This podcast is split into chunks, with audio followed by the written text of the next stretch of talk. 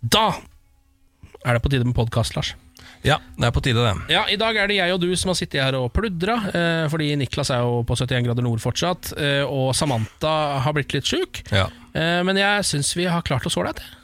ja, jeg vil si det. Altså, jeg synes jeg har kost meg veldig. Eh, Jeg har jo blitt avslørt på at kanskje det er fordi at jeg, har fått lov til å prate ekstra mye. Ja, At det er en slags enebarnsskade. ja og vi er jo to enebarn som Ja, har sittet her i dag, så vi har jo babla masse. Vi må jo bare beklage. Vi må Ja, vi- legge oss la, lang, eh, paddeflat. Ja, vi må legge oss paddeflate. Ja. Altså, denne enebarnspodkasten Den er for um, spesielt interesserte, kanskje. Mm. Eh, men det er- kommer mye godt stoff. Du snakker litt om tinnitus. Ja, få tinnitus, altså. Herregud, det er irriterende. Altså. Ja. Beep. Ja. Ikke bra i det det er hele en spennende teori på hva kroppen egentlig eh, prøver å gi meg beskjed om. Ja, Ja. og den eh, må du ikke røpe, for da, det er jo noe av det beste som kommer i podkasten. Faktisk. Så er det reality check også, hvor vi gjennomgår konseptet Big Brother og Ja. sjekker om det kan være noe for meg. Og mye mer snacks. Bare å kose seg. Dette er morgen på Radio 1. Jeg heter eh, Ken og ønsker deg velkommen til Morgen på Radio 1. Nå har det seg sånn da um, at eh, Samantha, den eh, gravide burritoen eh, som vanligvis sitter i dette studio, hun har fått seg en liten forkjølelse. Merka jo allerede det ganske kraftig i går, eh, og nå har hun sykemeldt seg i dag. Eller det er legen som har sykemeldt henne, det er jo sånn eh, samfunnet fungerer. Niklas Baarli, som vanligvis eh, holder denne skuta flytende, han er på 71 grader nord. Et reality-konsept eh, hvor man skal kåre Norges tøffeste kjendis. Så da, nå er det jeg som sitter her. Men frykt ei! For jeg har tatt med meg min høye venn eh, fra Bærum, Lars Bærum. Ja. Ja, god morgen, Lars. Ja, det er greit at jeg eksisterer noen ganger. Ja, ikke sant? Det er sånne Ja. tilfeller som det her, hvor du endelig får kred for din eksistens. da Ja, Alle er sjuke. Du er jo litt sjuk, du òg. Jeg er litt morsk. Ja, ja, ja, men du gir deg ikke, du. Nei, Du er ikke gravid, du. Nei, eh, jeg er, jo, jeg er jo ugravid og kan dermed ta medisiner Ja. eh, mot sykdom. Det kan jo Ja, ikke gravide, visstnok. Det er nesten nei. ingenting man kan spise lenger. Nei, det er sånn, altså. Det er sånn Hvis du bare går rundt med en dent i lomma, så er det noen som kommer på gata og stopper deg. Hvis ja. du er gravid Ja, ja, ja, ja. Mm. ja er- du skal være veldig forsiktig i moderne samfunnet med hva du dytter i deg du. eh, når du er gravid. Jeg har alltid tenkt på, jeg lurer på hvor mye det egentlig har å si. Og det er selv som sykepleier. Ja, det er det jeg mener, fordi du jeg at er jo til en viss grad kvalifisert til å uttale deg om dette. Ja, veldig lite akkurat når det gjelder graviditet. Der kan jeg lite, altså. Sånn, eh, helt sånn uh, faglig. Ja. Eh, men jeg kan synse mye. Der er jeg god. Eh, og jeg mener at det må da være lov med lite grann. Er det populært med sykepleiere som synser mye? Ja, er det ikke det vi gjør, da? Jo, det er I hvert fall det jeg gjør. Jeg synser mye. ja, for. Jeg begynner om at jeg til en viss grad også stoler på at dere vet hva dere snakker om, men det Ja. er kanskje ikke alltid det. Jo da, jo da, vi gjør det. Eh, men eh, det er jo litt sånn eh, å være innen helse, om det er lege eller sykepleier, eller om i hvilket eh, fagfelt du jobber, så er det sånn at du spesialiserer deg litt. da. Så Hvis du ikke har jobbet eh, på fødeavdelingen eller med gravide, så kan du litt mindre om det. da. I hvert fall for min del så kan jeg det. Hva er egentlig ditt spesialfelt? Psykiatri. Ja, det jeg er jobba tre år på akuttpsykiatrisk mottak. Du er best på innsiden av hjernebarken, du. Ja, ja, der er jeg god. Det er der du Der, er jeg skinner. god. der sier vi ja, masse medisiner. Flest mulig medisiner. Ja. Ja, det det er er veldig derfor jeg er god sammen med deg, Ken. Ja, eh, men da er det jo veldig greit hvis eh, du som hører på, kanskje eh, tar litt tak i dag og sender oss noen meldinger. Det har vært Ja, hyggelig. er det noen våkne? Det, er det, det lurer jeg på. Her, for det, jeg, jeg, eh, kvapp, er det ikke det man sier på i Bergen? Ja, kvapp litt Ja. eh, idet du sa klokka var fem over seks. Ja. Tenkte jeg, å jøss, det er ganske tidlig, da. Ja, og så er- her sitter vi her. Og det er veldig koselig å sitte her. Håper folk der ute har en veldig sånn koselig morgen også. For det syns jeg alltid er hyggelig. Og som du sier, send en liten lyd da på Facebook-sida vår eh, radio1.no. Ja, for Jeg har litt sånn følelsen at vi som står opp såpass tidlig, er en liten gjeng. Altså Det er en egen litt sånn følelse over dette. I hvert fall alle de jeg på en måte ser eh, på veien til jobb, eksempel, så tidlig som nå, de ser jeg litt ekstra. Ja. Skjønner du, Jeg ser litt sånn Ja, der er han, ja. Ja. Se på han. Ja. Han har tatt på seg disse tingene i dag. Helt enig. Jeg Og så er får det med meg litt mer, da. alltid de samme tre som tar bussen. Ja, ikke sant? Ja, Og På det er- busstoppet, der står det liksom. Ja, det er og i dag var jeg litt bekymra, for han kom ikke han ene. Ja. Jeg tenkte, Jøss, er han sjuk, eller Ja, han det- så seg? Kanskje han har fri? Ja. Og så kommer løpende i siste liten. Ja, der ser du. Det er nesten som man burde hatt nummeret til hverandre og utveksla litt sånn så du kunne ringt han. Og bare sånn, Ja. «Ah, Nå tror jeg kanskje du har forsovet deg. Ja, det har vært Eh. veldig fint. Jeg kaller han Georg. Jeg vet ikke hva han heter. Han ser ut som en Georg. Det er fint navn, det. Og kanskje det er noen Georger der ute, så Mm. gi lyd da, og si eh, hvor det er, og hei og hopp. Ja, radio1.no på, uh, NO på Facebook. Morgen på Radio 1. Hverdager fra seks. Det er eh, Ken Vasenius Nilsen og Lars Berrum som er eh, de eneste eh, gjenlevende i studio. Ja. Eh, Niklas Baarli er jo eh, på 71 grader nord, Samantha er litt småsjuk, eh, så derfor er det vi som er her i dag, Lars. Det er koselig, det. Det er ålreit, det også. Eh, nå er Michael Moore i gang igjen. Eh, altså han Ja, eh, det- dokumentarfilmskaperen. Ja, ja, ja, ja, ja, ja. Han har begynt å røre på seg igjen. Eh, nå kommer han da med en, eh, en ny film som heter Fahrenheit 11.9. Han har jo gitt ut eh, Fahrenheit 9-11 eh, tidligere. Nå har han snudd på det, fordi 9.11. er jo datoen Donald Trump eh, ble valgt som president i USA, og det er dette det handler om det her, da. Ikke sant. Um, og som han sier her til Hollywood Reporter, han Michael selv, så sier han Trump er vår Frankenstein, og vi er Dr. Frankenstein. Altså at han er en slags monster som de selv har skapt. Ja. Og det er jo helt riktig. Ja. um, og det som er ekstra interessant med det som kommer fram før denne filmen, er hva som er teorien til Michael Moore. Ehm, på hvordan Donald Trump i det hele tatt valgte å eh, stille som presidentkandidat. Ehm, for det han sier her er at altså Han sier at han peker på en rekke faktorer. Fordummende mediedekning, fattige underfinansierte skoler ehm, og tidligere FBI-sjef Comey og Putin legger han inn i her og sånn, ikke sant? Men eh, så, så kommer hans hovedteori, Gwen Stefani. ja. No Doubt-vokalisten. Ehm, fordi, som han sier, så går da teorien hans eller ut på at tidlig i 2015 innså Donald Trump at Gwen Stefani uh, tjente mer penger som programleder for The Voice enn han gjorde som programleder for The Apprentice. Og da s står det her at Moore ser for seg at Trump deretter iscenesatte kunngjøringen av presidentkandidaturet sitt i Trump Tower i juni 2015, bare for å bevise sin egen popularitet for TV-kanalen NBC, sånn at han skulle få bedre lønn eller kunne selge programmet til en annen TV-kanal. Og så står det her, Han hadde jo snakket om å stille som presidentkandidat siden 1988, men ville egentlig ikke bli president. Nei. Nei.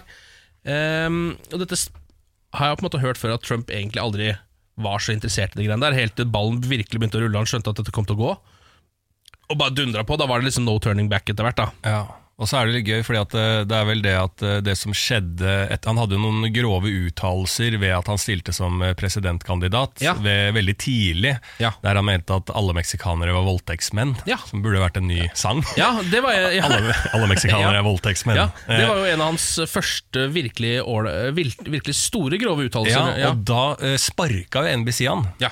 Så da sto han jo uten jobb i NBC. Han skulle bare markere og få mer lønn. Ja. Eh, Så da måtte han jo, og, hadde jo allerede fått fans for sitt eh, presidentkandidatur. Mm, Så for voldtektsuttalelsene sine. Ja, så da var det bare én ting å gjøre, å kjøre på. Ja. Og så fikk han litt blod på tannen når Obama dissa han i en tale. Ja. Og så var det bare å bli president, da. Ja. Så enkelt kan, det, kan man bli eh, verdens mektigste mann. Ja, eh, tydeligvis. Ja. Eh, med eh, nok penger og eh, stor nok kjeft, Ja. så går det veien til slutt, det. Ja. Ehm, så da eh, det, det er jo det som er litt fascinerende her, fordi ofte når sånne type teorier kommer, som involverer Gwen Stefani og sånn, eh, helt opp på liksom eh, mektigste mann-nivå, så pleier man stort sett bare å slå beina under de teoriene og bare si sånn Det høres litt for dumt ut, det er nok ikke det. Men akkurat her er det sånn Ja, det er nok det, som gjør at han faktisk valgte å gå hele veien. Ja, ja, ja, ja. Det, det, det stoler jeg blindt på. Jeg. Ja. jeg har faktisk møtt Gwen Stefani. Mm. Har du det? Ja, jeg satt på Johnny Rockets i LA. Ja. Spiste en burger, ekstremt eh, fyllesyk, eh, en kompisgjeng. Ja. Og så plutselig så står det liksom en dame eh, rett ved siden av bordet vårt, for vi spiste ute. Ja. Og Vi tenker ikke noe mer over det, eh, men var veldig nære. da Eh, Sto i telefon, og så plutselig ut av Altså, jeg, De må ha ligget i buskene fra før av, for da kommer det bare så insane mye paparazzoer rundt bordet vårt. Ja. Og så titter jeg liksom opp på sida, som er da en person som står veldig nærme. Rett liksom sånn Det er liksom Det er, det er ikke en halvmeter engang. Og det er Gwen Stefani som står ved siden av. ja. Og står og preiker i mobil, og det kommer en annen dame inn, og de leverer noe greier til hverandre. Jeg tror hun var kjent, hun andre òg. Og så tar det hele kanskje fire minutter, og så løper hun inn i en bil med hele paparazzi-gjengen etter seg. Steike da. Ja. Og da tenkte jeg, nå skal jeg rett hjem og bli statsminister i Norge. Men min kamp gikk litt annerledes. For det viste seg, eh, da jeg fikk sparken i en rekke TV-kanaler her hjemme, så hadde jeg ingen fans. Nei, du hadde ikke det. Nei. Og ikke hadde jeg kommet med noen grove uttalelser om Nei. Island, da, f.eks. Og ikke hadde du penger ellers, så du fikk liksom ikke satt i gang den kampanjen der Nei, jeg ordentlig. sleit veldig. Ah, så du har møtt Gwen Stefani. Jeg synes det er gøy hvordan nesten alle eh, historier som involverer en kjent person, de starter sånn eh, De starter på den akkurat sånn som du fortalte nå. At det er bare sånn Ja, nei, og så var vi der, og så ser vi bort, og så er det en person der. Vi tenkte liksom ikke noe mer over det. Ja. Og så kommer det bare punchlinen, og så var det Barack Obama, Ja. for eksempel. Altså, det, ja. Og så starter alle historier med at jeg har møtt Gwen Stefani. Ja. Og så et par Så det sekunder ut i den historien, så Lars, du har ikke møtt hun. du har tilfeldigvis sett hun rett ved siden av deg. Ja, det er riktig. det er det. Eh, jeg fant et nytt eh, Hva skal jeg si her? Jeg, kaller det en ny hobby for min del. Eh, jeg så på Insider i går. var Dette TV-programmet på nå har jeg lyst til å si Kanal 5, men det er jo ikke det. Det går jo på Max, kanskje. Ja, okay, Noe sånt. ja. Mm. Eh, veldig bra program, jeg liker det veldig godt. Ja. Det er eh, en gjeng sånn der, eh, veldig overivrige sånne privatetterforskere. De, ser, de ser ikke ut som privatetterforskere, men som løser saker og sånn. da Ja. og sjekker ut fenomener og den type ting. da Ja. eh, Og der var det i går eh, og møtte en gjeng som drev med urban exploration, eller explore, exploring. Ja. Urban exploring. Hva er det egentlig? Det er da at du går ned i eh, kloakken, f.eks. Altså I urbane strøk så går du ned i kloakken. finner- De fant en sånn lite sånn Nesten sånn, sånn som en tidsmaskin midt ute i skauen. Så de bare åpna en dør i en sånn stolpe, så gikk de ned i den stolpen og under jorda, fant noen grotter og greier. Og så Ja. filmer de og legger ut på uh, internett, da, så kan man se liksom underverdenen av byer. Eh, de går inn i gamle sykehus, katakomber, eh, og så liksom utforsker de nedlagte ting og underverden i byer. da. Ja. Eh, og dette er tatt av på nett. Da, så de liksom, eh, der er de venner med russere og folk fra Frankrike som driver det med, med det samme. Og sånn da. Og det tenkte jeg når jeg satt og så på. Her er liksom sånn at jeg, jeg gjør for lite ut av livet mitt. ja. At her sitter jeg liksom som en sånn Jeg ser på meg selv i gode stunder som en fyr som på en måte gjør litt annerledes ting og opplever litt andre ting i livet enn eh, bare A4. Det liksom klapper jeg meg selv på skulderen noen ganger. Men så ser jeg sånt her. At det sitter folk med liksom tar på seg lommelykten på huet og ned i noen grotter og under bakken og finner ting og legger opp videoer og møter folk fra Russland og Frankrike som driver med det samme. Da tenker jeg jeg, jeg, har, jeg har ikke lykkes. Nei. Jeg har eh, mye mer å gå på, for det er jo sånne hobbyer jeg må ha. Tenk Hvis vi var ferdig i radioen i dag, hva skal du nå, Lars? Men nå skal jeg rett ned. Ser du den der, eh, ser du hølet i bakken borte der, der de driver og bygger? Der skal jeg bare snike meg rett ned, og så blir jeg under bakken så lenge det går. Og så kommer jeg sannsynligvis tilbake i morgen. Ja, men altså, eh, altså Lars, du, er, du kan være sånn type, du. Ja. Vi kan gå ut etterpå nå og jekke opp et sånn Ullefosslokk. Ja. og Sende deg ned der og se om du møter noen folk fra Frankrike og Russland, sånn som Ja. du ønsker så gjerne. Og da, da føler jeg at liksom hele livet mitt får en, på, på en måte en hestesko som At tuppene møtes nesten på toppen. Ja. Eh, fordi at jeg var jo veldig fan av Turtles da jeg var liten. Ja. Og hvis jeg avslutter livet mitt nedi i kloakken, så føler jeg at jeg har runda et eller annet. Jeg vet ikke hva det er, Ken, men et eller annet bra jeg har gjort. Da må vi ta med en pizza der òg, så Ja. blir det ordentlig Og hvis jeg sitter ordentlig fast, så håper jeg Elon Musk denne gangen får lov til å bruke den maskinen sin og redde meg ut. Ja, dette er et prosjekt vi skal prøve, tror jeg, Lars. Ja. Morgen på Radio I dag med Ken og Lars. Så vi er på en måte hjemme alene i dag, Lars. Ja. En liten hjemme alene-fest fordi Samantha er eh, småsyk. eh, Og Niklas Baarli han er jo um, på 71 grader nord-innspilling. ja, sånn er det bare. Ja. Du, nå har jeg lyst til å si en ting. Eh, jeg, jeg vet ikke helt hvordan eh, jeg skal si det, for jeg har ikke planlagt dette. Men dette starta jo i går under sending. Så sa jeg til bordet her at hva, på spørsmålet 'hva skal du gjøre etter sending', Lars, Ja. så svarte jeg da Du, jeg skal ut og prøve å uh, reparere mobiltelefonen min. Ja, stemmer det. Eh, Fordi at den eh, var lugga litt når det gjaldt, eh, når det gjaldt lyd. Da. Mm. Så jeg gjorde det. Jeg gikk på sånn eh, Jeg har iPhone, så jeg gikk på sånn Eplehus service-sted. Eh, Går inn der. Han eh, jeg møter, er kjempebra fyr. Sier bare at du, det her er en høyttaler. Han skanner det, det er en høyttalerfeil. Vi må bare bytte dekselet. Eh, og så jeg bare Åh, må jeg levere den? Ja, men det, det, det tar bare et par-tre timer. Ja. Å ja, jøss. Eh, Vil du at vi skal skifte batteri òg? For jeg så også at batteritiden om ett år så kommer du til å merke at den lugger litt. Og nå har vi, nå har vi et tilbud på 400 kroner istedenfor 1400.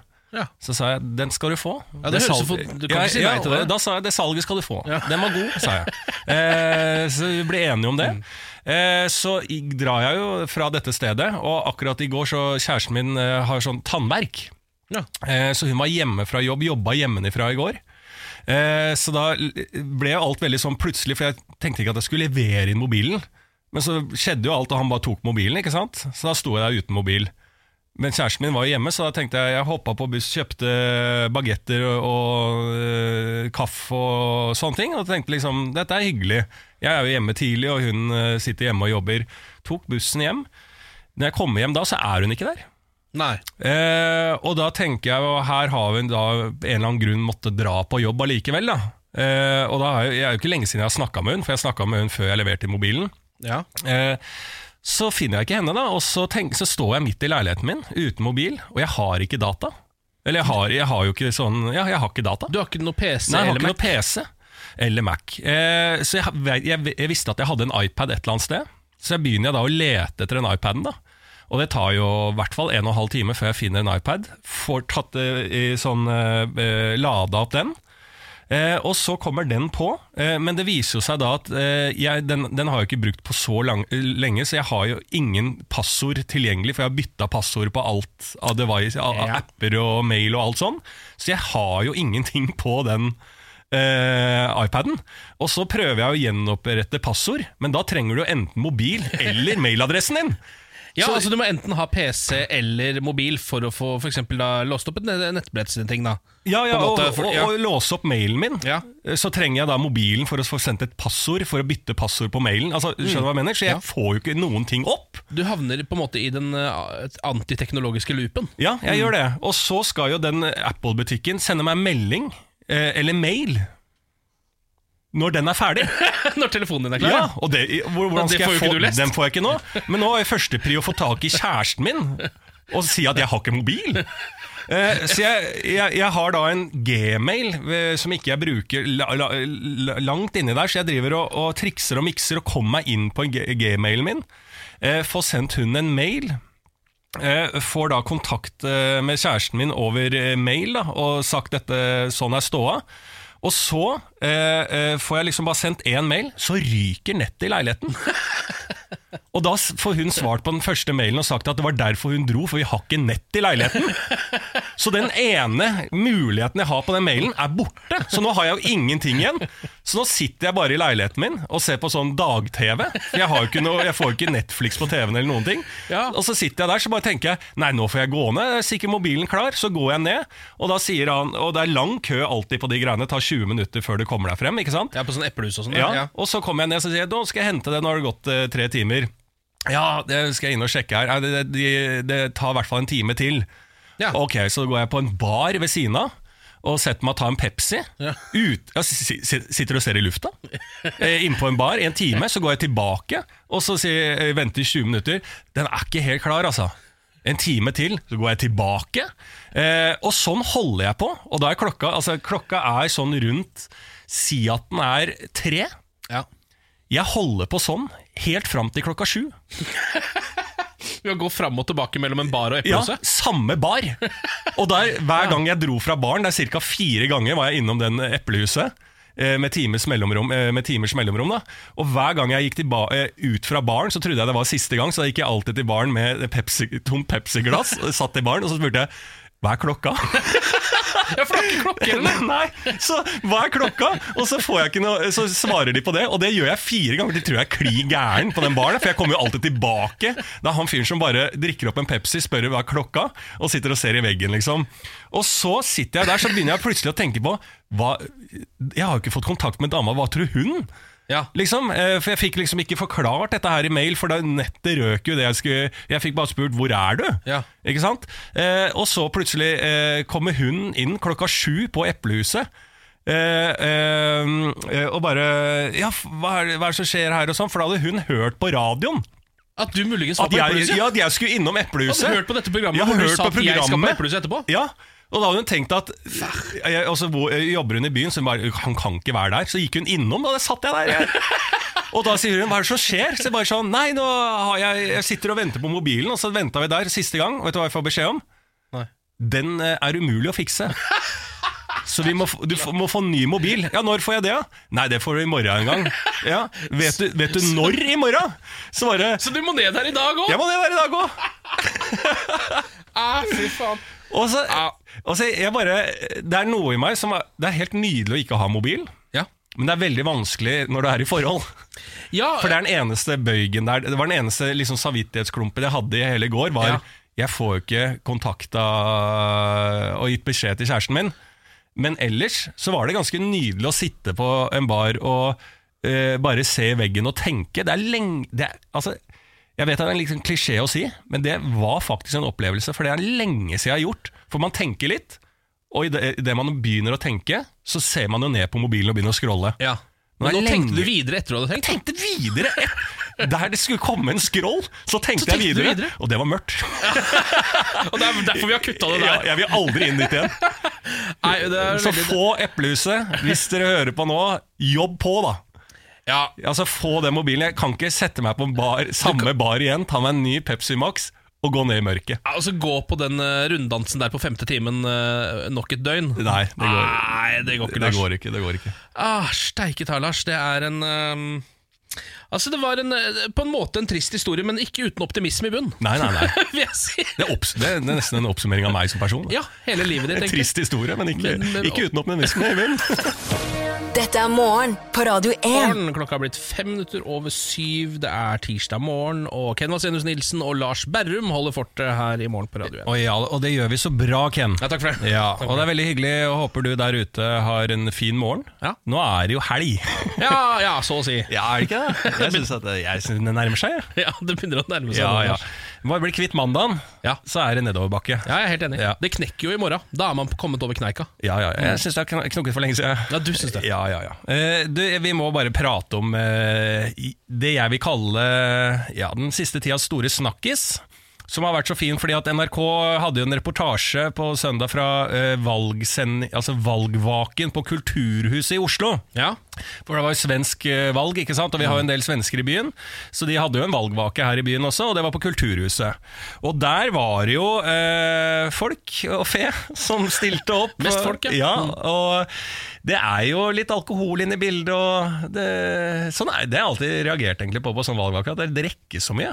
Ja, Ja. Det er liksom sånn gledens dag, men så kanskje Ja. det er sånn vi feirer demokratiet? Er det ikke alltid Jeg, jeg, tror det høres det, ja. jeg tror det er det vi gjør. Uh, Ja. Og så ehm, Det er, synes, har jeg alltid syntes har vært gøy, jeg også. Fordi da er det jo ofte mye politikere som kan se at det er på en liten snurr. Ja. Og Vanligvis er det så streite mennesker, men Ja. akkurat denne ene dagen så får de liksom lov å ta seg en knert Ja. og svinge litt på hoftene. Men hør det, da. Eh, eh, hvorfor drakk du i går? Jeg feira demokratiet. Altså, det, er jo ikke Ja. bedre unnskyldning. Til og med KrF drikker seg dritings da. Ja, ja. Fordi bare sånn, Når Gud straffer dem dagen etterpå Men Gud, jeg feira demokratiet, så sier Gud ok, okay den skjønner jeg. da går jeg inn i hula mi Ja, ja. ja. Men det skjedde jo en ting der, da. Fordi at NRK skulle ha et intervju med um, en eh, dame som heter Maria Arcontolis. Mm. Uh, som er uh, ja, uh, med Feministisk initiativ. Eh, og hun hadde jo da et intervju, hun, og greide seg kjempefint. Men det var en annen fyr på festen eh, som eh, blanda seg litt, da. För att det är det enda partiet som har eh, absolut högsta prio på Ja, jämställdhet. ja. Fuck the right in the pussy. Ja, Fikk vi litt forstyrrelse der på direkten? Det blir litt forstyrrelser der på direkten. Skal vi høre det en gang til? För att det är det enda partiet som har eh, absolut högsta prio på Ja, ja. jämställdhet. Fuck the right in the pussy. Ja. Fikk vi litt forstyrrelse der på direkten? ja. Det var Altså, altså Det var altså, intervju var- med en feminist eh, Ja. uttals... Ja. Og jeg, jeg må bare le, altså fordi at det, eh, dette her, i mine øyne, er humor fordi at det, det er så off alt i tida vi lever i. Ja. Altså, eh, nå har, Vi er i en tid eh, eh, i, Jeg vil ikke si kjølvannet, jeg håper ikke det er kjølvannet. Jeg håper vi fortsatt står eh, på barrikadene for metoo og det som er. Men nå skal vi på en måte prøve å eh, få et eh, ordlegge oss annerledes og skjønne essensen av trakassering, da, også verbalt. Det er den tida vi er i. Vi Ja. har ikke den tida Altså, Jeg vet ikke hvor mer enn nå vi kan være i en tid enn det. Og så velger han da, i den tida, som vi ikke kan få mer tida på akkurat dette temaet, å gå bak hun i Feministisk initiativ og si Yeah, fuck the right in the pussy! Ja. På veldig dårlig engelsk uttalelse også. Ja. Eh, og altså, jeg, jeg har ikke annet enn å le meg i hjel av Nei, det. det Altså, er jo direkte komisk. ja, det er så For nå er vi jo, tullete. som du var inne på, så er vi nå inne i en sånn kollektiv, kollektiv skjerpningsfase. Hvor Ja. vi alle, hele, hele samfunnet, Ja. på en måte har tatt seg selv litt i halen. Vi er liksom alle på en måte i det klasserommet hvor vi på en måte har fått kjeft Den ene personen i klassen har fått kjeft av læreren for Ja. noe som alle har vært med på, Ja. men som bare den ene har blitt tatt for. på en måte Ja. eh, Og får den kjefta, og alle sist står nå med bøyd hode og tar det litt innover seg, men så er det én fyr som ikke er med på det i det hele tatt. Det er så dumt. Det er liksom sånn etterkrigstida, når alle begynner å skjønne Det var ikke, det var ikke helt riktig å dra ned seks millioner jøder. Mm. Og så er det én som kommer opp på den sendinga og tar en jødevits. Ja, ja, det er det, er, det er. Ja. samme greia. Det er så ute han Ja. fyren er.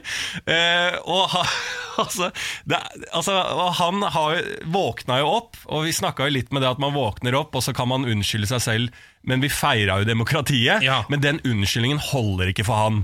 Eh, han har jo da selvfølgelig eh, fått eh, veldig gode grunner til å ha en ekstremt fylleangst etterpå.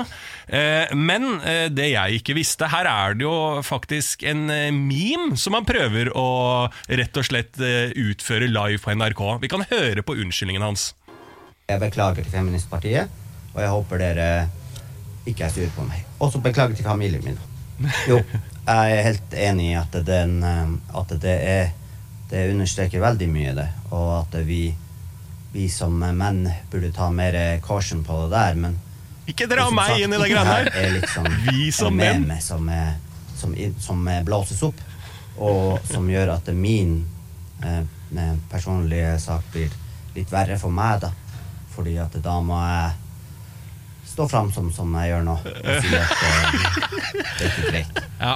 Eh, Den memen han snakker om, er jo noe altså Donald Trump var jo den første holdt jeg på å si som sa 'fuck the right to the pussy'. Ja. Um, og så er jo den ja, har det jo blitt en sånn greie på nett at folk driver og sier det. da Ja. Eh, Og da må jo Hopper inn i live hopper inn i livesending Ja. og sier det. Da må jo han også gjøre det, dessverre. Ah, Sånn kan det gå. Morgen på Radio 1. Hverdager fra sex. Det er Ken Vasenius Nilsen og Lars Berrum som sitter og holder deg i hånda fram til klokka blir ti. Ja, det gjør vi, og nå har jeg en kjempesak eh, til deg, Ken, Mm, og til du som hører på. Eh, og her, Dette er en fotballsak, Mm. men hør nå, du trenger ikke å være interessert i fotball for å like denne saken. Ja, det er Kan det bli bedre? sterkt innsalg. Ja. Eh, For 24. juni var en gledens dag for tilhengere av det colombianske landslaget. De slo tilbake fra åpningskampen mot Japan med en dominant 3-0-seier over Polen, og la med det grunnlaget for avansement videre. Nei, det er fotball-VM, dette. Ja, fotball-VM. Samtidig, mens euforiske fans jubler på tribunen, jobbet fire colombianske narkotikasmuglere fordekt inne i folkemengden. Og smuglerne hadde tilknytning til kartellet Clan del Golfo.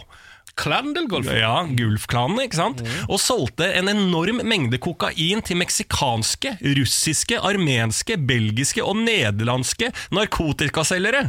Og dette skjedde da, alt dette her skjedde da mens de lata som de var supportere. Ah, de gikk rundt på tribunen, drev Ja, ja, ja.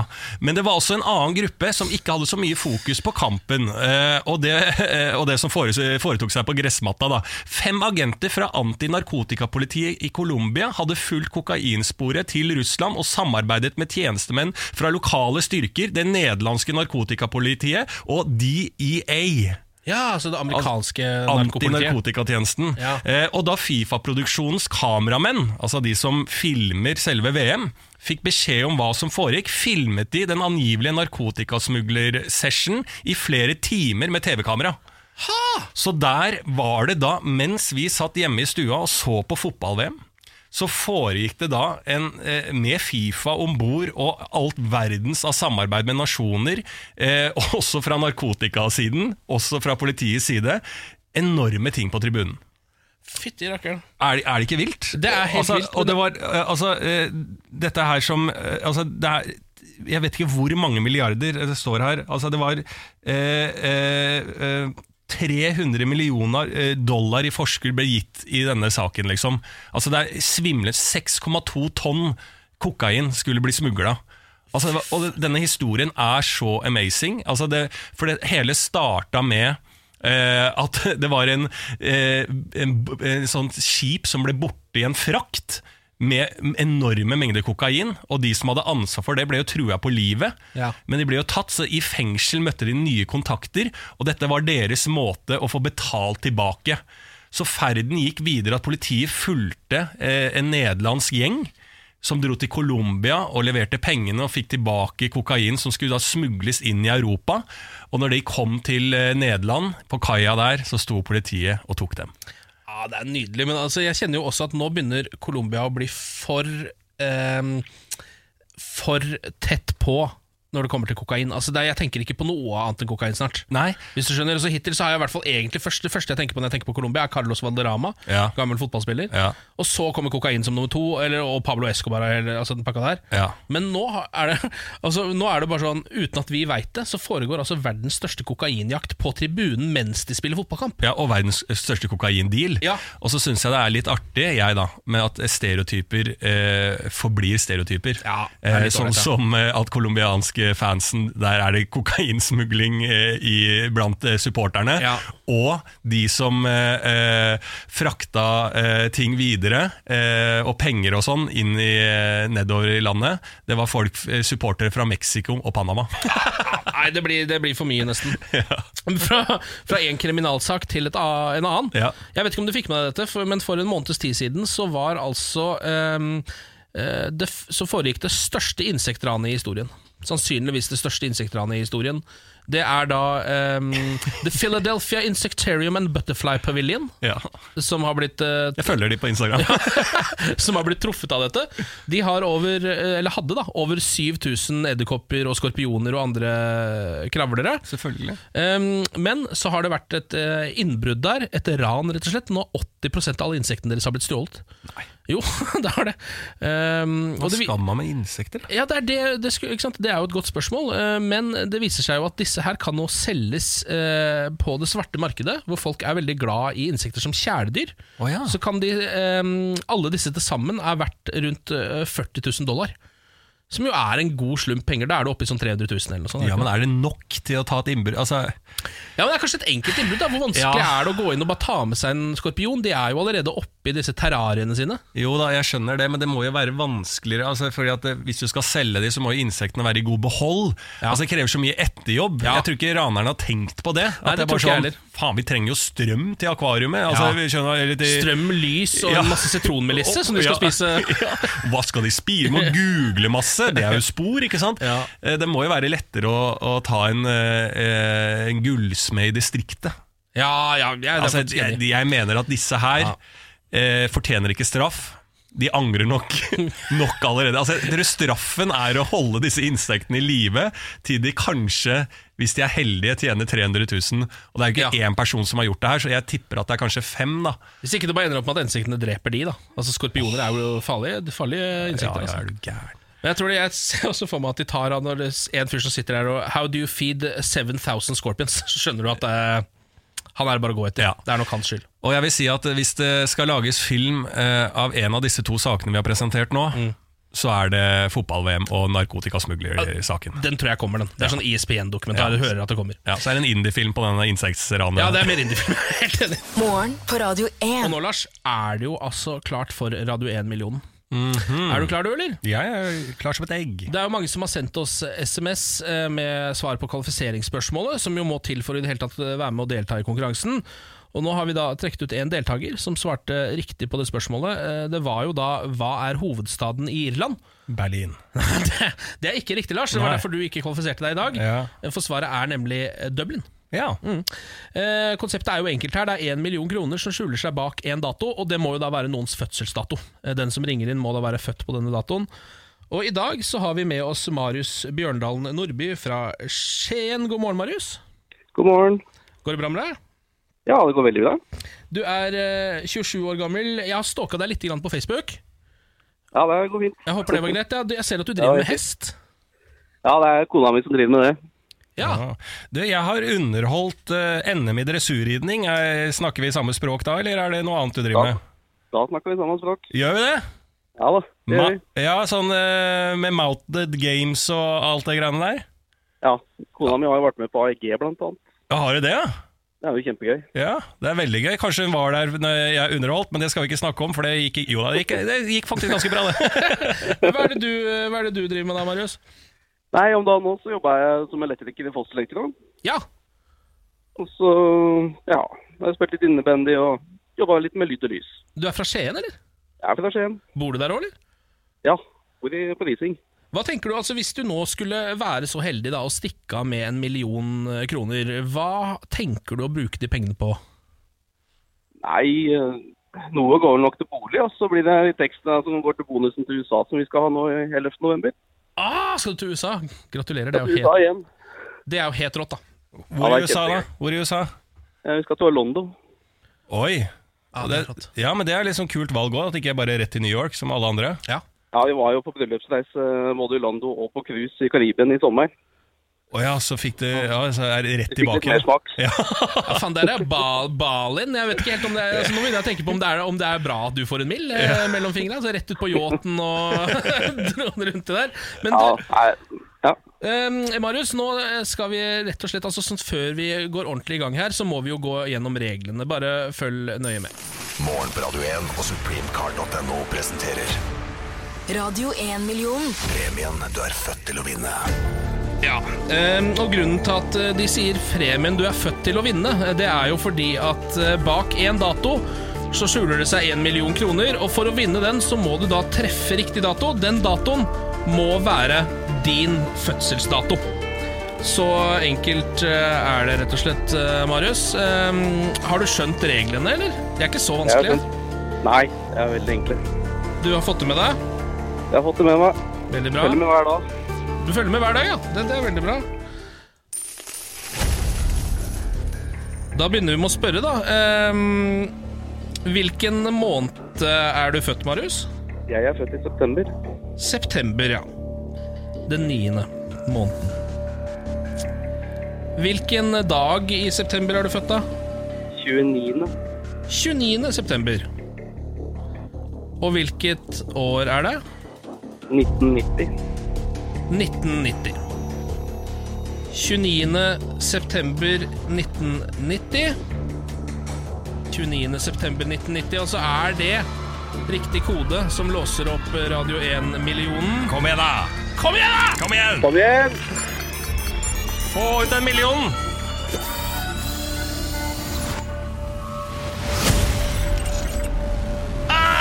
Nei, nei, nei. Nei. Ja, ja. Sånn er det. Sånn er det. Sånn kan det gå. Men du får eh, selvfølgelig, altså når ikke vi kan styre premien, for dette kan vi jo ikke styre eh, Her er det jo en eh, fødselsdato som eh, må være riktig. Ja. Men det vi kan styre, er jo å gi deg en Radio 1-kopp. Personlig Radio 1-kopp. Så Ja. da har jeg en morgenkaffekopp. Det er fint. Ja, Med navnet ditt på. Så det skal du få av oss. Uh, og så, Det er kanskje det er, det er ikke all verden å stille opp med en million, men det er nesten. Ja, men altså, det er jo, den, er i hvert fall, uh, den er i hvert fall personlig, så hva har du lyst til at skal stå på koppen din, Marius? Vil du ha ditt eget navn, eller er det noen andres navn, eller en liten catchphrase, hvis du har det? Har du noen tanker om det? Gjerne navnet mitt, ja. Det er hyggelig, det. Ja. Da skal du få Marius-kopp i Ja. posten. Veldig bra. Veldig hyggelig at du hører på, og tusen takk for at du ringte.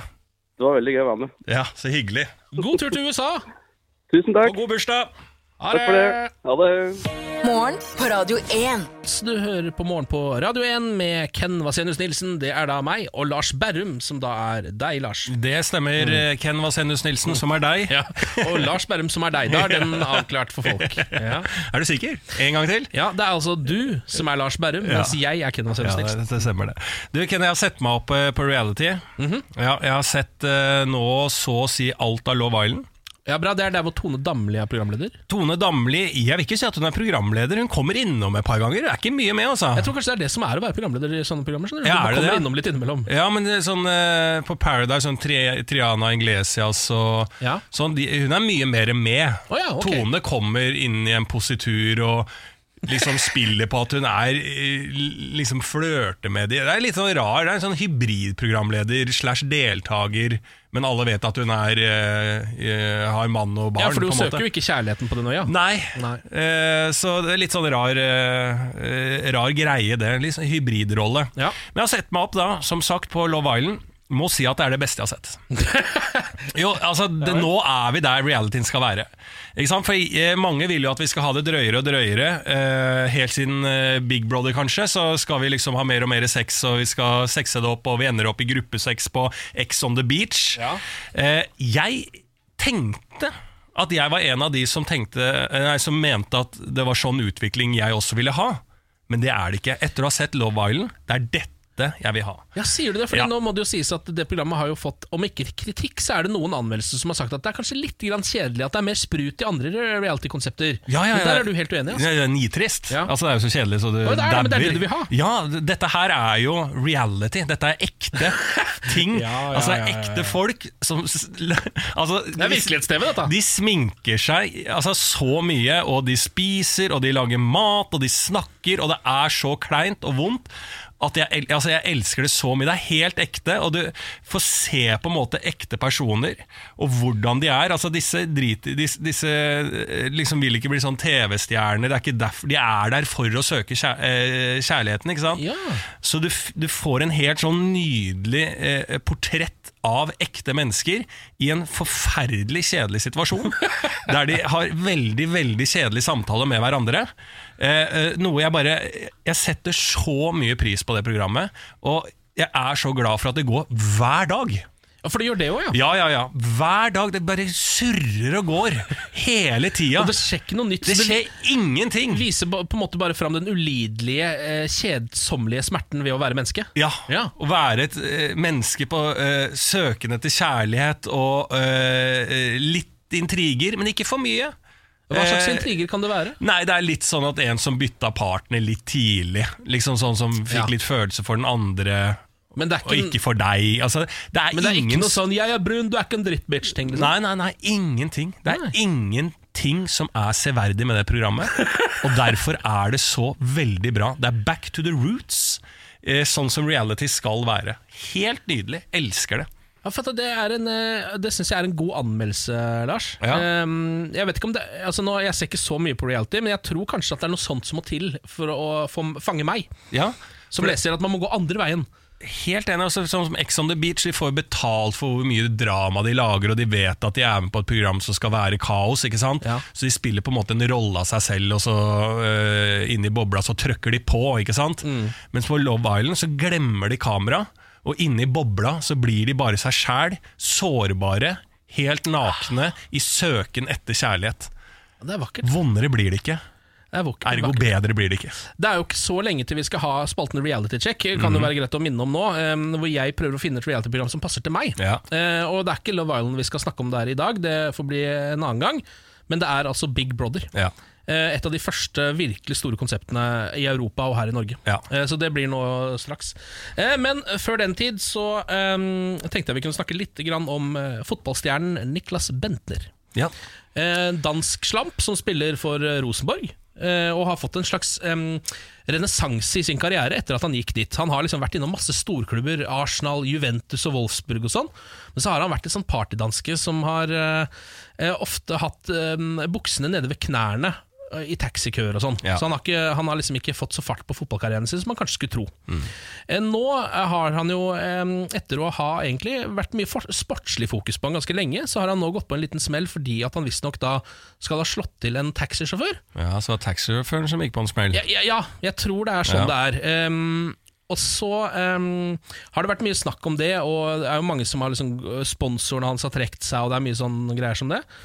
ID Hair, var det ikke det? Ja, var det det? Ja, var? det var- Hårsponsoren hans. Ja, hårsponsoren bare det. sa 'nok er nok'. Det er den man ikke vil miste, for da er det så tydelig at du har gått på en Ja, smell. Når ja. hårsponsoren trekker seg, ser du helt idiot ut også, eh, etter et par dager. Ja. Eh, men nå har Renate hva, heter det? Morten Renati? Gams, ja, Renate etter Morten Gams Pedersen. Morten Gamstvoksen. Ja. Eh, men det som er litt spennende nå, er at eh, jeg fant en sak som dukka opp altså dagen før.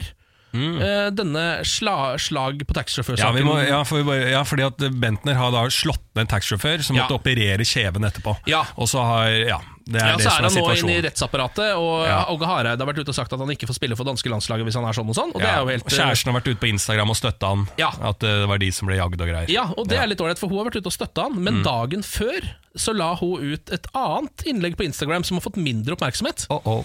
Eh, og dette er eh, innlegget 'Kjæresten legger ut Bentners skosamling for salg på Instagram', hvor det står under 'er sur på lord og selger tingene hans'. Eh, og Han ble jo kalt lord Bentner. Eh, så dagen før dette her liksom eksploderte med det slaget, så var kjæresten allerede sur på han. Og hadde begynt å legge ut alle tingene hans til salg på Instagram. Eh, masse sko, først og fremst, da, som folk da har vært inne og kjøpt. Man ganske fine sko. Han har jævla mange sko. Niklas Bentner, vet du. Ja, han har vært fotballspiller lenge. Han Ja. er rik, han. Rik mann. Um, så eh, det går ikke så bra med Bentner. nå. Nei, og jeg så jo at uh, hun eh, gikk jo i forsvar for han etter denne hendelsen der han mata ned en taxisjåfør, Ja. Uh, og sa at det var taxisjåføren uh, sin skyld, og at de bare forsvarte seg. Og at mm. de hadde krangla litt, da, fordi at hun ville være lenger ute på byen. Ja, enn, og han ville hjem, så jeg tror det hadde vært en liten krangel nede i, i taxien, og så hadde taxien kjørt litt sånne gærne veier, da. Så vi følte at nå lurer oss taxisjåfør, så ville vi hoppa, og så hadde det blitt en uh, uoverensstemmelse der, da. ja ikke sant? ikke sant Og som folk flest, så hva gjør man når man krangler litt med folk? Da klinker man det ned. Vold er løsningen.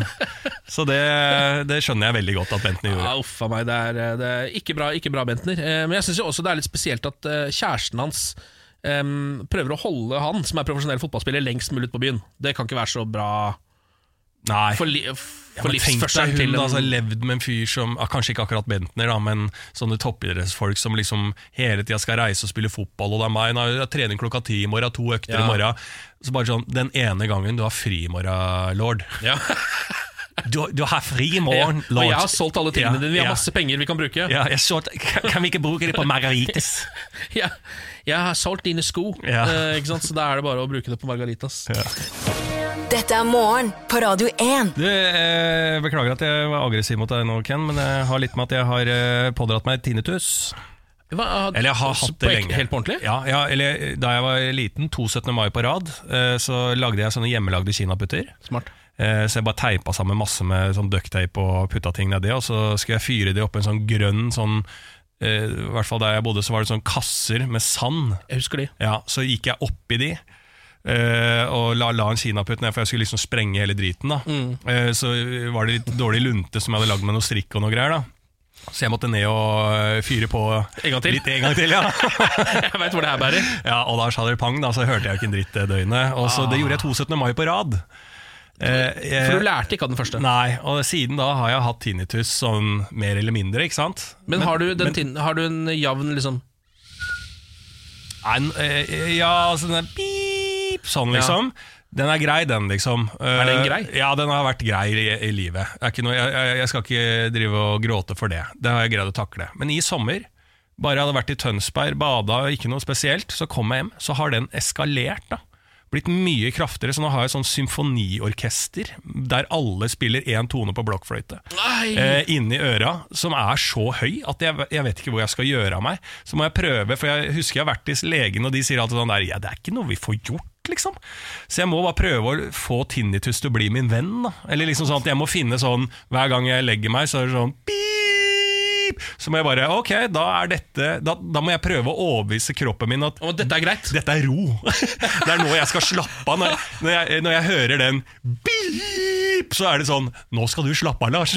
Jeg må prøve å he jeg, jeg har en livslang altså, I hvert fall en år, eh, mange år med kamp nå, der jeg må overbevise kroppen min om at dette, denne lyden med alle disse blokkfløytene det betyr ro, Lars. Nå skal du slappe av. Det høres, altså Nå får jeg eh, voldsomt mye medfølelse for deg, kjenner jeg. For det høres helt forferdelig ut. Ja, det er et helvete. Altså. Er, Jeg må være helt ærlig. Altså, det, det er, eh, jeg begynner å bli bedre på å takle nå, men eh, sånn, det var eh, Ja, dårlig, altså, måneden etter eller sånn sommeren og etter jeg fikk det der, altså, da holdt jeg på å revne. Altså. Det, man, eh, når man begynner å henge seg opp i det også. Å herregud, altså, det, er, det er et helvete. Og er, eh, altså, jeg vet liksom ikke Det er så vanskelig å si hvor mye tinnitus jeg har i forhold til andre, så jeg vil Ja. liksom ikke klage så mye. Men hvis det er noen der ute som har noen tips, annet enn noe sånn jeg vet at det er noen puter med noen noise-greier og sånn. Det, det Ja. er noen sånne type ting, men er det noe annet sånn Jeg kjøpte noen sånn ørevoksrenser som jeg skal prøve, og noe greier da, for å rense øra mine. Hvis det er noen sånne kjerringråd, liksom legge løvetann i nesa og en stein i øret, og så går det over. Ja. Noen sånne, sånne type tips. Så jeg er veldig, veldig interessert, da. Radio1.no på Facebook. Ja. Kom igjen, da. Hjelp meg. Hjelp meg. hjelp Lars hvis du kan noe som helst om tinnitus. Han sliter og trenger det uh, ganske tydelig her. Uh, og det som jo er litt sånn vanskelig med Tintus Lars, er jo det at um, Altså Det eneste man liksom tenker at er, kan være et tips for å bli kvitt lyden, er å legge på bare mer lag med lyd. Ja. Ikke sant? At du bare putter på eksempel eh, headset og spiller Ja, ja. noe, noe høy Jeg hører eh, jeg legger meg sånn. Eller noe sånt. Ja. Men da får du på en måte bare med piping under. Du får begge deler, liksom. Men den hjelper å høre på radio eller noe sånt, for da hører jeg ikke, konsentrerer meg ikke om pipinga. Men det som er, jeg tenkte på et svakt øyeblikk en natt når jeg ble ganske frustrert, var at kropp at jeg har levd et så idiotisk liv og sagt så mye idiotiske ting. Det beklager jeg til alle som har sittet og hørt på meg snakke idiotisk. Eh, og at det er min egen eh, indre forsvarsmekanisme mot meg selv. Så jeg, jeg sladder meg sjæl. Ja, kanskje det er det der. At ja. jeg tenker så mye dumt at jeg har egen, ja, egen sensur. Som kroppen bare Nå holder det! Jeg hører ikke at vi prøver å si ifra til deg at alt du tenker på, alt du sier Pip, piper vi ut! Ta hintet! Stopp å prate så mye dumt, og tenk så mye dumt. Det tror jeg kan være en ålreit lærdom. Ja. Å, ta med seg, eh, å, ta, å ta med seg videre. Ja. Skal vi se her um, Nå har vi fått inn en eh, melding her fra uh, Mathias. Han sier 'sett på en liten vifte om natten'. Det hjelper hos veldig mange. Gjør det det? Ja, han sier det. Ja, vifte, kanskje for det er litt lyd av vifte. ja, ikke sant? Dette må legge på flere lag med lyd, men Ja. da kanskje den, det er en sånn Fordi den oh, flaff, flaff, står jo og flaffer. Ja, ja. Så kanskje det tar bort oppmerksomheten litt fra pipinga. Ja, ja, det er ikke dumt, altså. Du kan jo prøve det. Ja. Eh, selv om det er jo kanskje litt rart å ha vifte nå som det begynner å bli høst og kaldt ute, men du kan jo prøve det. Jeg kommer til å være kontinuerlig sjuk, da, men det er jo bedre enn å Det er bedre med søvn. Det er bedre å være sjuk i kroppen enn sjuk i huet, sånn som du er nå. Ja, det er Det tror jeg er mye bedre. Takk for det, Mathias. Ja, tusen takk for tips. Um, nå litt lokalstoff. Vi følger jo Sydvesten eh, denne uka, som er en lokalavis eh, for bydelen i Bergen, Fyllingsdalen. Eh, og I går så var vi jo innom en eh, sak hvor vi fulgte et fotballag helt i bunnen av femtedivisjon. Uh, hvor keep- Inter Bergen. Ja, inn til Bergen, hvor keeperen måtte dra eh, en gang ute i andre omgang eh, fra kampen. Det endte opp med at de tapte kampen, så vidt jeg kan huske. Han skulle hente kjerringa. Han skulle hente kjerringa, så han måtte stikke underveis. Det er litt dumt når du, har en, ja, når du ikke har keeper, da. Eh, uansett hva slags nivå du spiller på i fotball. Um, I dag har vi denne saken som jeg er meget glad i. Møte i enslige sokkers parti er overskriften. Når, proble når problemene tårner seg opp i et politisk parti, innkalles det til sentralstyremøte. Slik er det også i enslige sokkers parti. Problemene har tårnet seg opp over tid. Det finnes ikke et eneste sokkepar igjen i huset.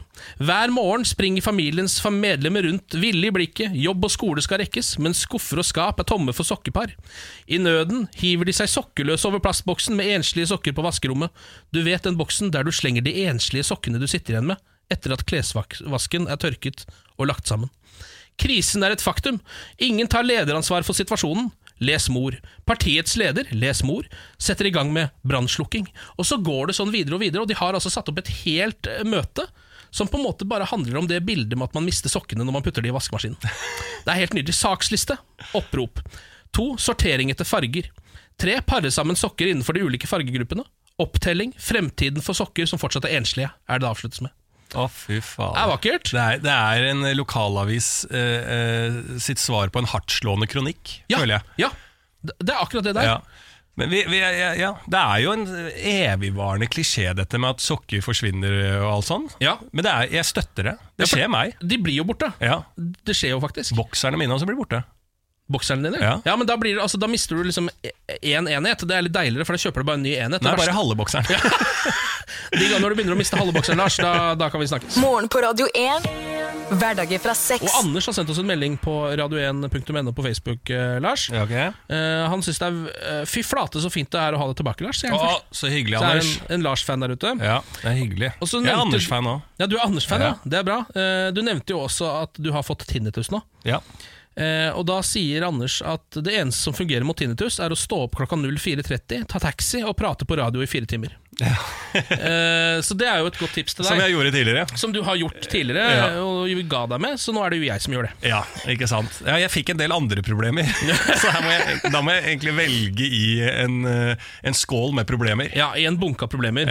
Sortere de, kaste de opp i lufta, se hva som setter seg fast på veggen. Ja, ikke sant. Eh, men du pleier jo å ha morgenquiz omtrent på denne tiden av døgnet hver eneste dag. Ja, Kan vi ikke gjøre det i dag, da? Skal vi gjøre det i dag òg? Ja, Du er jo aleine, men du er jo Jeg vil jo si at det er ikke noe forskjell når du pleier å ha med deg eh, Samantha og Niklas. Jeg føler at du er aleine da òg. Ja, tja, men eh, ja. Jeg er jæskla dårlig på geografi og årstall. Er det noe med det, eller? Ja, vi skal se om vi finner noe. Ok, ok Lars Bærums morgenkviss. Ja da, ja da. Tre spørsmål. Alle skal besvares. I Mm. Dag av Ken Vasenius Nilsen. Ja. Velkommen til bordet. Eh, takk. Du må jo ha et quizlagnavn. Ja, eh, eh, I dag så heter jeg Quiz Vasenius Nilsen. Quiz- Siden det, ba Ja, siden det bare er meg, så er det det eneste jeg kan uh, gå for, syns jeg. Ja, Det syns jeg er helt riktig. Ja. Skal vi ikke bare gå på spørsmål nummer én da, Ken? Ja, Ja da. Eh, Jeg starter litt enkelt, ja, men det kan være litt vanskelig for deg. Derfor har jeg valgt det. Fankeren, altså, du skal alltid avsløre hullene mine i allmennkunnskapen. Ja, men det her, det her, Dette spørsmålet her, det går bra hvis du ikke kan. Du, du blir ikke eh, sett ned på.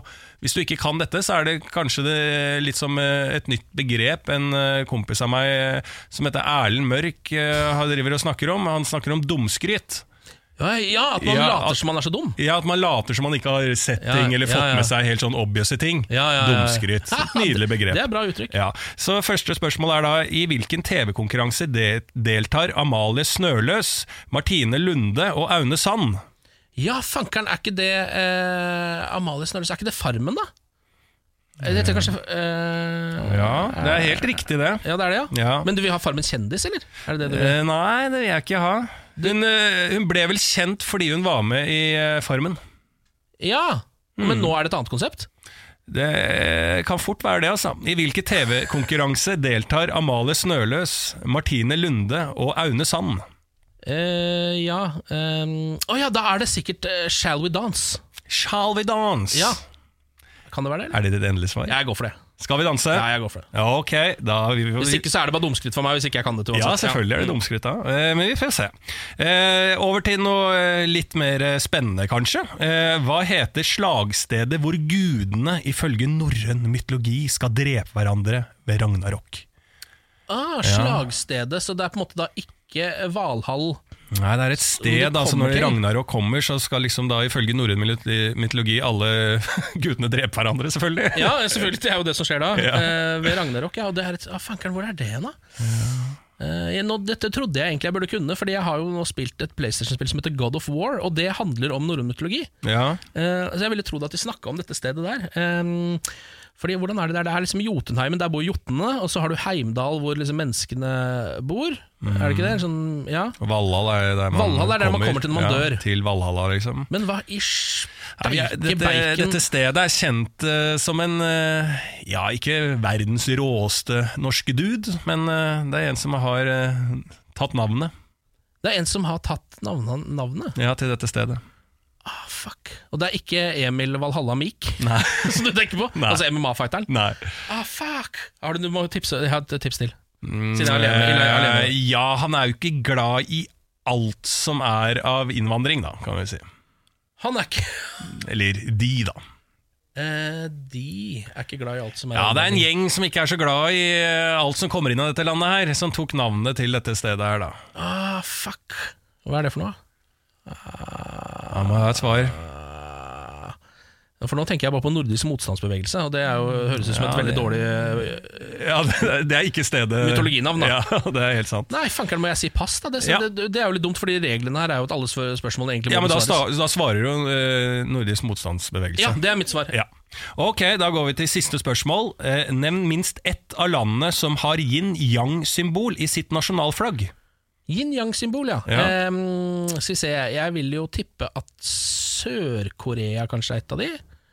Mm, trenger bare ett. Ja, Skal jeg bare tenke på det flagget? Det, ja, Sør-Korea. Sør-Korea? Ja, da får vi alle svarene. Ja. Spørsmål nummer én var da i hvilken TV-konkurranse deltar Amalie Snøløs, Martine Lunde og Aune Sand? Her var det litt eh, frem og tilbake. Vi sto og vippa på om det skulle bli dumskrytt fra Ken eller ikke. Ja. Det ble det ikke, for det er Skal vi danse! Ah, bra, Da har jeg sikra meg ett poeng. Da er Ja. jeg egentlig fornøyd i dag. Ja, det var det. Var ikke det målet ditt, da? Jo, egentlig. Ja, det burde vært det, i hvert fall. Ja. Og så var spørsmål nummer to Hva heter slagstedet hvor gudene Ja, ifølge norrøn mytologi skal drepe hverandre ved Ragnarok? Ken, du har en mulighet til. Eh, ja, fordi nå hadde jeg tenkt å si eh, Nidaros, men det er jo på en måte bare det gamle landet på Trondheim, så jeg Ja. tror det er feil, det òg. Ja. Nei, jeg vet ikke. Det er Domen. Nei da. Det var bare Ja, det lite spill på at du sa Nidaros. Ja, eh, Det er da Vigrid. Ah, er det det, ja? Ja, for dette var jo en gjeng som ikke likte innvandrere. ikke sant? Og det er jo ganske nærme når du sa nordisk motstandsbevegelse. Ja, ja. Mm. Eh, ja.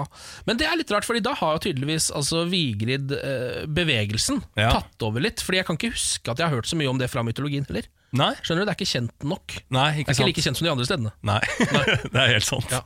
Men eh, det er, du skal ikke klandre deg selv for ikke å greie det, altså. Nei, jeg gjør det jo, men eh, det er Ja. greit. Spørsmål nummer tre. Nevn minst ett av landene som har yin-yang-symbol i sitt nasjonalflagg. Ja.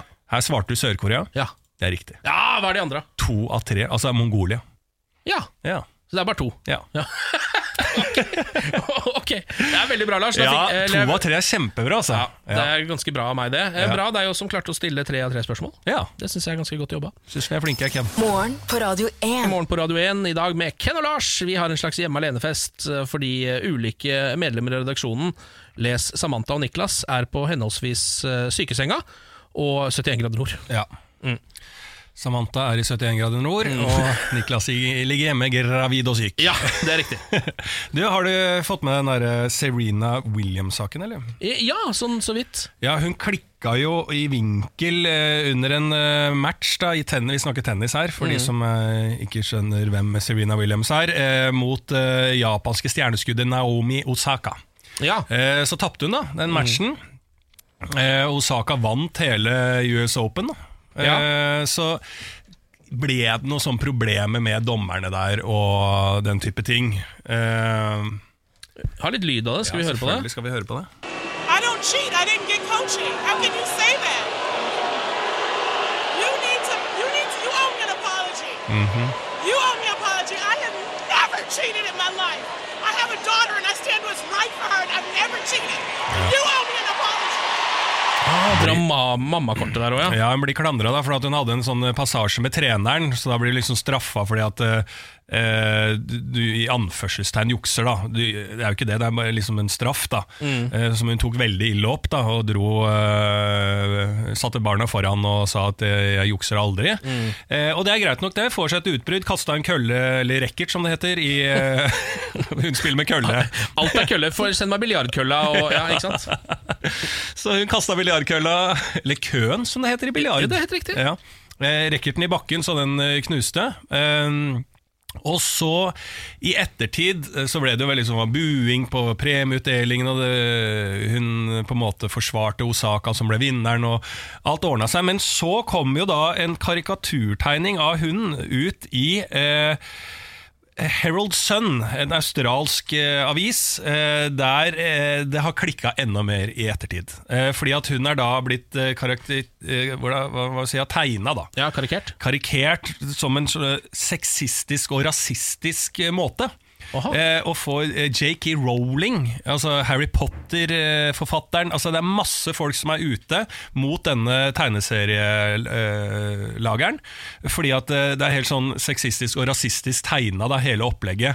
Eh, og jeg kan være enig i det når jeg ser det, for det er liksom sånn Det er, det er sånn, sånn gammel, dårlig eh, på en måte eh, sånn- tegning av eh, Er det litt blackface over det? ja, jeg, ja, jeg, til og med jeg som ikke liksom, har noe erfaring med sånt og sett det gamle Jeg så det. Ja, du reagerte på det. Jeg reagerte på det. Og så er det så liksom, litt av kritikken ligger liksom fordi at det blir så dratt opp så mye eh, så, så liksom sånn fordi at eh, Når har du sett en mannlig eh, idrettsutøver som mister besinnelsen, da, eksempel, blir karikert sånn, og lagd en så stor sak ut av det, og Osaka blir bare, som vant den kampen, da, blir bare gjort til en sånn bitte lite eh, sårbart, anonymt eh, kvinne på sida, som faktisk har vunnet US Open. Som er den beste tennisspilleren her. Ja. Ja. Eh, og begge de er jo store idrettsutøvere.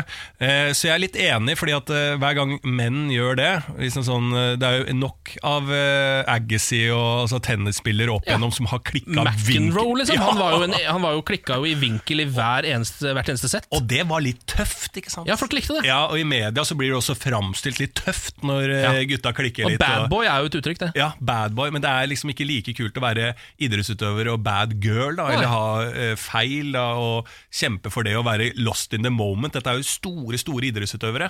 Eh, så nå har saken snudd litt eh, til at det er en idiotisk tegneserie- eller karikaturlager nede i Australia som har flytta fokus i debatten. da. Jeg Ja. tenkte jeg bare skulle innom og informere om det. Ja, men Det må jo være litt ålreit for Serena Williams at fokuset har gått litt bort fra henne, eller at det er andre som har gjort, liksom, tok det overtrampet og trampa mer over. Ja.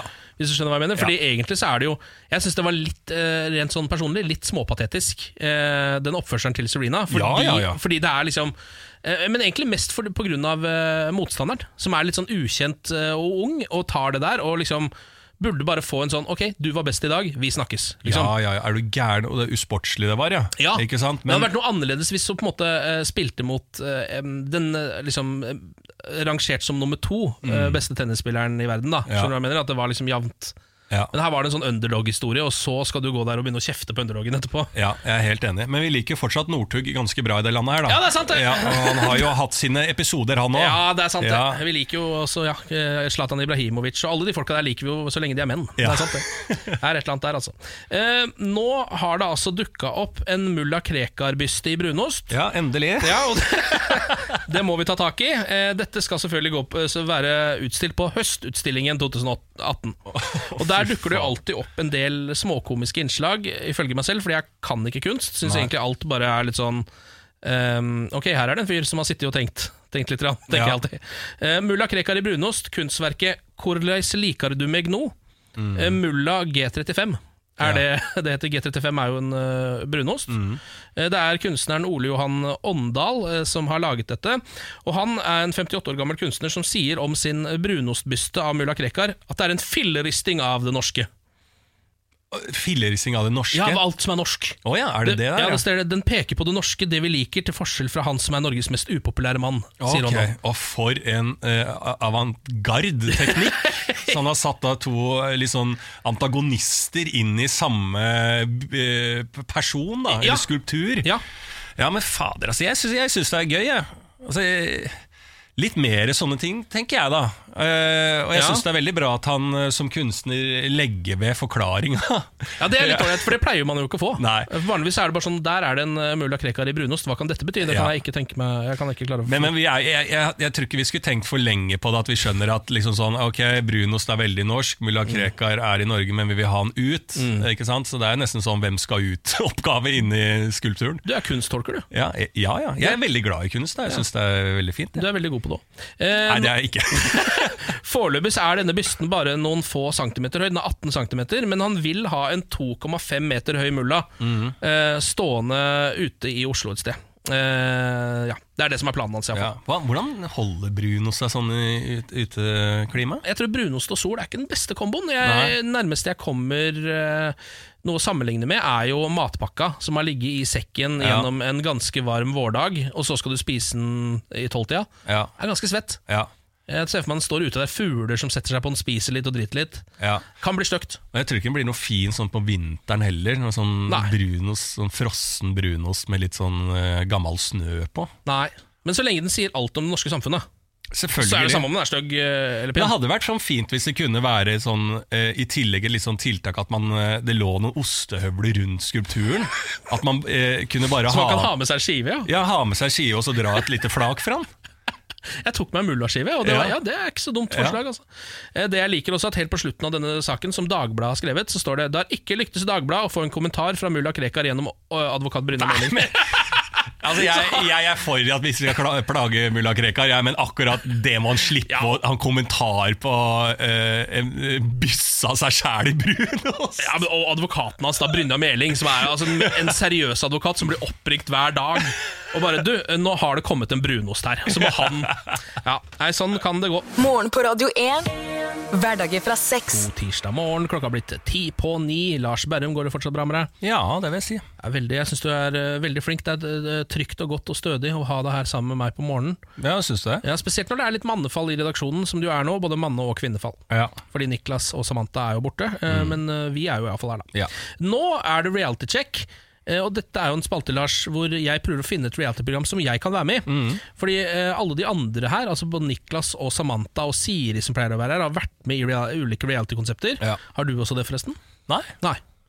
Da kan jo du også være med på dette. Kanskje vi finner noe til deg òg. Ja, det hadde vært veldig ålreit, det. Men jeg skal, ja, altså, som sagt, da. eh, Skulle det vært noe Nå har jeg jo kjæreste, men det hadde vært Love Island. Ja, Love Island Ja, hadde, om det hadde vært. funka for deg, ja. Ja.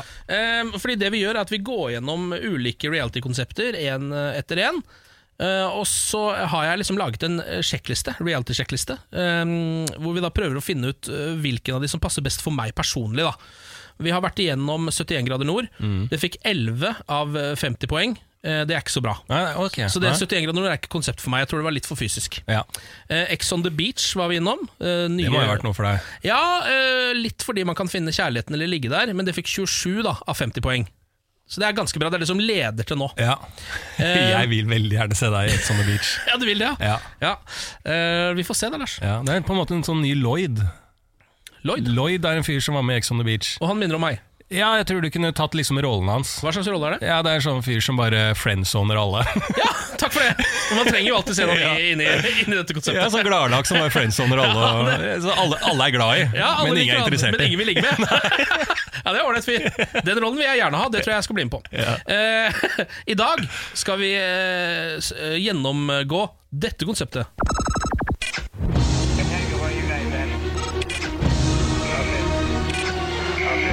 Det ringer en bjelle hos deg, Lars. Nei, altså, ikke på denne Dette her er vignetten til Big Brother. Wow. Ja. Big Brother, nederlandsk konsept fra 1999, eh, som kom til Norge i 2001. Et, eh, en av de første store suksessene her til lands. Ja. Eh, sendes nå i 40 land. Det sendes ennå? Ja, jeg tror det. Det Ja. går nok noen Ja. steder. Det har i hvert fall blitt sendt i 40 land, da, som har hatt sin versjon av Big Brother. Så kraftig Altså, hvor har det blitt av de kraftige vignettene? Altså, Det er fantastisk. Det hørtes som starten på NWA-filmen, liksom. Ja, altså, det var sånn Ja, ja. Let the game begin. Ja, jeg er helt enig. Altså, ja, Det er bare noe sånn bam, bam, bam, noe eh, skudd og noe airhorn der, så er vi eh, på en eh, rap-dokumentar. Ja, um, og det, altså, Konseptet Big Brother er jo enkelt. Det er 100 dager i ett hus. Ja. Ehm, og så er det utstemning via publikum som ser på det, hvem de liker og ikke. Mm. Så ryker man ut, da. Skal vi begynne på sjekklista? ja, kan vi ikke gjøre det? Ja, Det første eh, kriteriet vi går etter, er hvor fysisk behagelig er det å være der. Det er høyt, altså. Det er, er, det, det er, er det noe ved dette konseptet, så er det jo fysisk behagelig. Ja. Slik jeg husker Big Brother, så er du inne i det huset, og det var jo gode sofaer. Ja, Bra sånne sengemuligheter. ja. Og faktisk såpass stort at du hadde muligheter for alenetid der òg. ja og så var det mye kiling på armen, og så videre. Og basseng, Ja, var basseng, det det? ja, det tror jeg også det var. Ja, det tror hvert jeg fall- hvert fall noen hot tubs av noe slag. Ja, ja, ja. Ja, det var en sånn stamp. Ja. Nei, det Og så var det egentlig ingen sånne fysiske utfordringer på konkurranser eller noe sånt heller. Nei, så så- det er ganske greit skurring, det. Og bra mat, var det ikke det? Jeg tror vi må slå til med ti. Ja, det er jo én til ti vi legger her. Ja, ja, det er ti, ja. Ja, Fysisk behagelig ti. Ok, Hvor psykisk behagelig er det? Da kan vi høre på et lite klipp fra første sesongen med Big Brother i Norge. Her er altså karakteren Per Morten, og sammen med deg passiar med noen andre i huset. Derfor jeg ble så skuffa over Ramsi i dag. For jeg kunne også tatt opp det ved kjøkkenbordet at syns ikke dere Ramsey vasker opp lite. Og så kunne det blitt en felles diskusjon. Men jeg tok det mann til mann, jeg. Man to man. Og For du sier at jeg Nei, gjør Morten. Det du sier til meg hele tiden, at jeg gjør en stor sak du ut av veldig Ja, men lenge, du- Ja, men sier til meg også. jeg gjør en stor sak ut av ingenting. Men jeg gjør jo for faen ikke det. Det var Ramsey som gjorde det, for han tar opp under middagen. Ja, eh, Per Morten her som klager på at Ramsi ikke vasker opp godt nok. Ja, ja. Eh, og det er jo på en måte det dramaet omtrent på det nivået dramaet lå. Ja, og det mener jeg er et lavt nivå eh, av hvor eh, realityen har gått. Ja, Så jeg mener at eh, eh, sånn psykisk så er dette også ganske behagelig Ja, når de store eh, diskusjonene og dramatikken ligger rundt oppvasken. ja istedenfor liksom Det er ikke personutskjelling på samme nivå som det er i andre konsepter. da Nei. Eh, Men det Men allikevel, ja. Ja. Jeg vil bare si allikevel så er dette en av få reality-konsepter du må vaske opp sjæl. Ikke sant? I Love Island Ja! Så lager du mat sjæl. Bare det har jeg tenkt på Ja. når jeg først skal være med på et reality. Ned, ned på Gran Canaria, og så skal, så skal jeg lage maten sjæl. Og når jeg først skal være med på et reality, inn i et, eh, en blokk et eller annet sted, og så må jeg vaske opp. Ja, Nei, det gjør det litt Og så er det jo dette med overvåkning av at man sitter fast i et hus. Ja. Så Sånn sett så er det ikke så psykisk behagelig som man skulle tro, men kanskje en sjuer, vil jeg si. Ja, til ti. Ja, for det, det er jo deg vi skal teste det opp mot. Ja. Og du har ikke noe problem med å være inni et hus Men jeg har problem med i å vaske opp. 100 dager. Men jeg har problemer med å vaske opp. Det har du. Mm. Eh, hvor eksotisk er det? Altså, en det, er, det her er en bunker på Fornebu. Det var i hvert fall det det var. Så eksotisk vil jeg si det er null. jeg. Ja, det er null, ja. Ja. Eh, hva med premien, da? Jeg husker jo altså Første sesongen, som er den vi tenker på nå, så var det jo en mill. Ja, Var det det? Ja, jeg tror det. Oi. En mill til vinneren, så premien er jo meget sterk. Ja, ja, ja, det slår jo alle reality-konsepter som er nå. Altså, Det slår jo Idol. Hva er det Idol da? Vinner en eller annen plate... Alle får jo platekontrakt nå uansett. Ja. Altså, en mill Det er jo helt fantastisk. Ja, det er ti. Det er ti. Ja, det er ti. Og så den siste, da. Sannsynligheten for å ligge eller finne kjærligheten. Altså, Hvor mange husker du som fant kjærligheten i Big Brother? Var, var det en Anette? Rams, nei, Ramsi og Anne Mona. Ramsi og Anne Mona. De fikk ungen Ramona. Eh, Det det? Så si mens de var inne i huset. Ja, ja. Og så var det jo Rodney og Anette. Rodney og Anette mm. Ja, ja, Det er ganske bra mulig. uttelling. Når eh, Rodney og en som heter Anette finner hverandre, og Anne Mone og en annen som het kaller ungen Ramona, da er det muligheter de for deg, Ken. Ja, og de er fortsatt sammen. Jeg tror det er ti på det òg. Jeg, faktisk. jeg Ja. syns Big Brother eh, slår ganske bra til her. Ja. Ja. Da blir det altså til sammen skal vi se, 37 av 50 poeng da Det er meget på bra. Big Brother. Det er en klar ledelse. til Ja. nå. Ah, fankeren, dette nå Ja, men Jeg jeg ser for meg deg som en Big Brother-type. Ja, du gjør det. Og du hadde blitt godt likt òg. Ja. litt han, Jeg husker han som vant første sesong, tror jeg, som het Lars Joakim. Ja. Han var liksom sånn, litt sånn outsider, gjorde sin, eh, sine ting på sin måte, og øh, overlevde på det. Mm. Ja. Og litt sånn tror jeg du hadde vært òg. Du hadde vunnet folket. Og hva er det som er viktig i Big Brother? Vinne folket. folket. Ikke sant? Dette er et konsept jeg kunne vunnet. Det er bedre for meg dette enn å gå inn i Ex on the Beach og bli friendzona, i hvert fall. Tenker jeg, da. Dette er morgen på Radio 1. God morgen, Pernille. God morgen! Ja, Nå har du kommet på jobb også. Um, er det en grei morgen, eller? Det er en eh, ganske god morgen, eh, faktisk. eh, Fordi nå har jeg Altså, Samantha er jo syk i dag. Mm. Og det betyr at jeg fikk Samanthas plass. Og på Samanthas plass så er det en godstol uten Altså, den er så god å sitte på! Ja, Hun har ordna seg litt. Det er fordi at Samantha tross alt er gravid, og da kan man kreve litt andre ting eh, enn oss andre. Så Samantha har, eh, har kongestolen Ja. eh, rundt eh, her. Og så Jeg innbiller meg også at det lukter litt bedre akkurat i den kroken enn det gjør i kroken til meg og Lars. Nå har jo jeg Bårli sin krok, og her er det all den sånn, litt sånn ullen eim. Ja, men de andre stolene her Ja, det må jo bare sies at de stolene vi har, er jo noe av de mest forferdelige stolene jeg har vært borti. Altså, den går en spiss opp mot skrotum. Ja. Eh, så hvis Eller jeg kan, vagina. ja, så hvis jeg har mulighet eh, for å få barn etter å ha jobbet her, så blir jeg overraska. Ja? Det er litt sånn, Nå går vi litt bak scenen, eller behind the scenes her, men det er no, litt sånn overgrepsstoler vi har, eh, som prøver å komme seg inn i huleåpningene våre. Ja. Eh, det er ikke helt bra, det. altså. Som gir deg soppinfeksjon. Ja. Eh, Men du var jo inne på dette at eh, Samantha ikke er her, Pernille. Og du er jo ute og sjekker eh, trøkket på gata hver eneste dag. Pulsen, stemmen. Ja, Ja, Folkets røst. Vi hadde jo egentlig tenkt at du skulle prøve å komme med noen, eh, noen eh, guttenavn fra gata, som Samantha kunne eventuelt bruke på sin eh, sønn som skal komme. Men Med mindre dere ikke har fortalt meg at eh, noen av dere har et eh, barn som kommer snart, så tenker jeg at vi venter med den. Ja, det er det jeg tenker, for det er, det er litt bortkasta å bruke det på Lars, for, eksempel, for det er en stund til han skal få barn. Eh, så derfor så kan vi vente Jeg kan som- ikke få barn etter å sitte på de stolene her. Nettopp, det er det vi sier, Lars. Ja. Eh, så derfor så um, tenkte vi at det heller var noe annet du skulle sjekke. Det stemmer. Og jeg har vært Jeg er ganske aggro sånn generelt sett på Amerika og Ja. Amerikas politi. Ja. Og spesielt denne helgen her så kom det opp et sånt, ikke meme i sosiale medier, men i mangel på bedre ord, meme og et bilde av en sånn warning dette har skjedd. Eh, I Dallas i Texas så ble en eh, mann på 26 år skutt og drept i egen leilighet fordi en eh, politibetjent som hadde gått av skift, gikk inn i feil leilighet når hun skulle hjem. Ja. Og det første hun gjorde var å skøyte. Og jeg syns jo det er skummelt at politi og mennesker generelt har våpen så tilgjengelig. Og tenk hvis Norge blir sånn Mayhem Texas-opplegg fordi eh, vi gjør det lettere med våpen, da. Ja, Nå er det jo på en måte sånn midlertidig bevæpning her i Norge blant politiet, eh, som har vel vært fra juni, og skal på en måte egentlig avskaffes rundt nå. Altså rundt sånn september-ish. Men vi får se hvordan det går med det. Det kan godt hende de bare utvider det litt. Men det er jo en debatt her også i Norge, så vi lurer jo litt på da hva folk mener om eh, bevæpning av politiet i Norge. Yes. Jeg syns at eh, man skal være skeptisk med god grunn der, for å legalisere det. Eh, mye fordi at eh, det er da våpen overalt, eh, og det kan også misbrukes. Det skal man være skeptisk til. Eh, Man ser jo hvordan det har gått i andre land som har bevæpna politi. Dårlig stemning. Nei, altså, de trenger ikke å skyte folk, de kan jo arrestere folk. No, because I'm from England and the police there don't carry guns most of the time, and we manage to keep crime very low. And I know in Norway the crime is even lower, so yeah, no guns. unødvendig.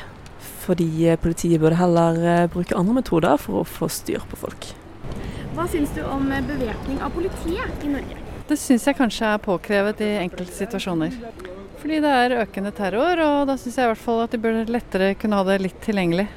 Det trenger de ikke. Fordi de driver jo og skyter seg sjøl i foten og sånn som det der. De er jo helt idioter. De trenger jo ikke våpen på idioter. Det, det syns jeg ikke noe om. Fordi eh, vi trenger ikke å se mer våpen enn det vi gjør. Eh, litt delt på det. Bevæpning i noen tilfeller, men ikke alle. Vi har det ganske trygt da, i Norge. Jeg vet ikke helt om bevæpning vil gjøre det bedre, om det bare er en sånn eh, Altså at man får en sånn falsk trygghet. Yes. Ja.